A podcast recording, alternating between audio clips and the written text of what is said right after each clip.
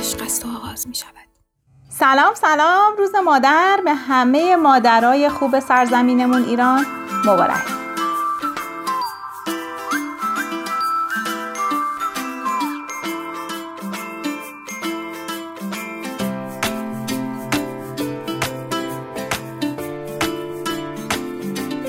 مرزی باقرزاده هستم مربی روابط عاطفی و مهارت زندگی.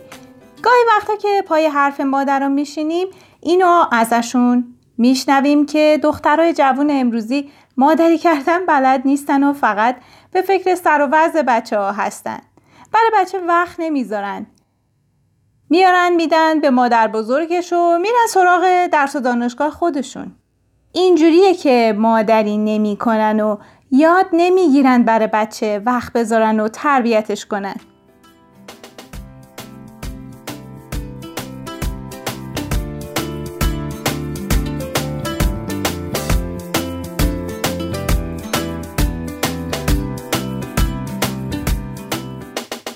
برای اینکه بتونی بچه رو بزرگ کنی تربیت کنی باید براش وقت بذاری بالا سرش وایسی کنارش باشی نه اینکه موبایل و تبلت بدی دستش و رهاش کنی به امون خدا ظاهرا حرف مادر بزرگا اینه که مادرای امروزی مادری کردن بلد نیستن و فقط دنبال کارهای شخصی خودشونن نظر شما چیه؟ موافقین؟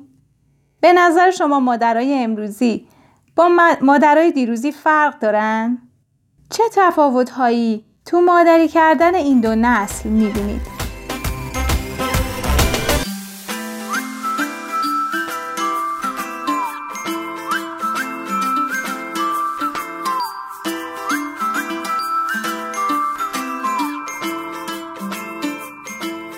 فکر می‌کنم مادرای امروزی نگاه متفاوتی به نقش خودشون تو خانوادهشون دارن.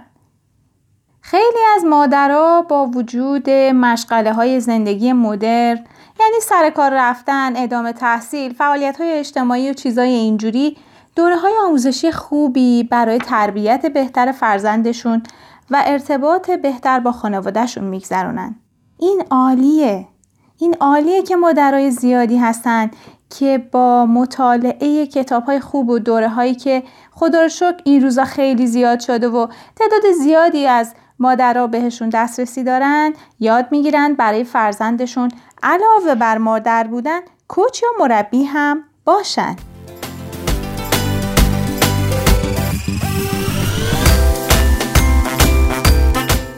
بله اولین کوچ همه کسایی که کنار پدر مادرشون بزرگ شدن مادرشون بوده.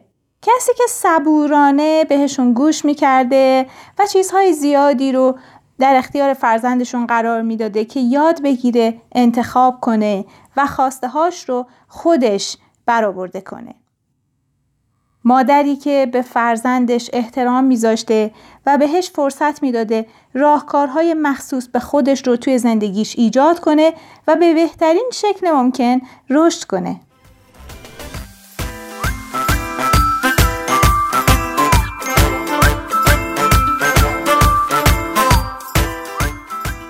من فکر می‌کنم تفاوتی بین مادرای امروزی و دیروزی وجود نداره. مادرها همیشه مادرن. حتی اگر زمان زیادی برای حضور کنار فرزندشون نداشته باشن. یا اگر دانشی که نسل به نسل به مادرشون رسیده بوده رو دریافت نکرده باشن. و ناچار باشن با گذروندن کلاس ها و دوره های زیادی مادری رو یاد بگیرن.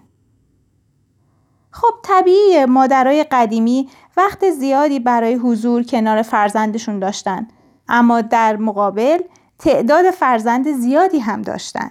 اما مادرای جدید وقت کمتری رو دارند که کنار فرزندشون باشن. اما خب تعداد فرزند کمتری هم دارن.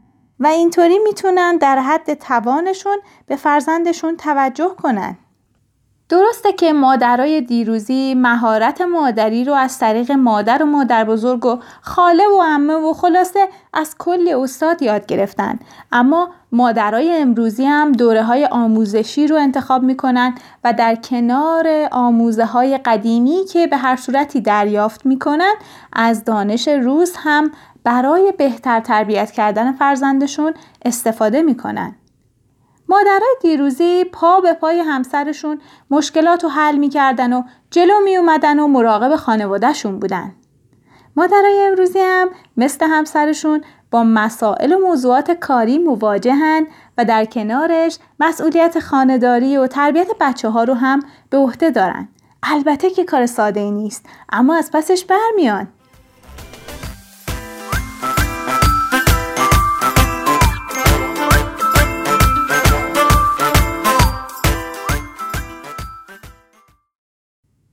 مادر مادره دیروزی و امروزی نداره و به عشق فرزندش هر کاری لازم باشه می‌کنه. به عشق فرزندش هر شرایطی رو تحمل می‌کنه. مادر مادره و خاصیت اصلی مادر بودن عاشق بودنه.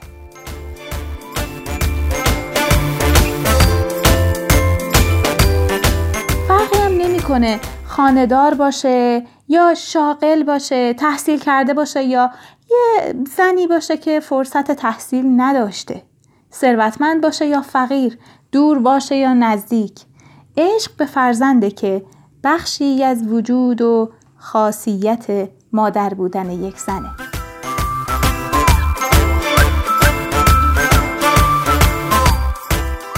اما بین همه مادرهای دنیا یه مادرایی هستن که جور دیگه ای مادری می‌کنن. این مادرها در واقع یه عشق خاصی یه مهر ویژه‌ای دارن. وقتی بهشون دقت می‌کنی متوجه میشی این مادرها همون زنایی که یاد گرفتن اول عاشق خودشون باشن و با تمام وجود برای خودشون ارزش قائل باشن و بعد فرزندشون رو با عشق سیراب کنن. این مادرها مادرای خاصی هم. آرزو می‌کنم همه شمایی که این فایل صوتی رو گوش میدین جزو مادرای عاشقی باشین که بلدن اول عاشق خودشون باشن و بعد عشق رو در اختیار فرزندشون قرار بدن و اگر بلد نیستین اصلا نگران نباشین ما اینجا هستیم تا کنار شما و با شما یاد بگیریم که چطور خودمون رو دوست داشته باشیم و عاشق خودمون بشیم.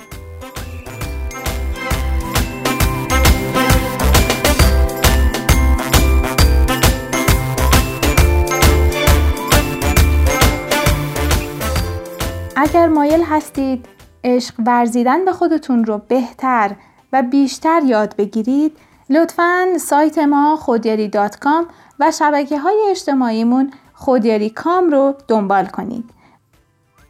متشکرم.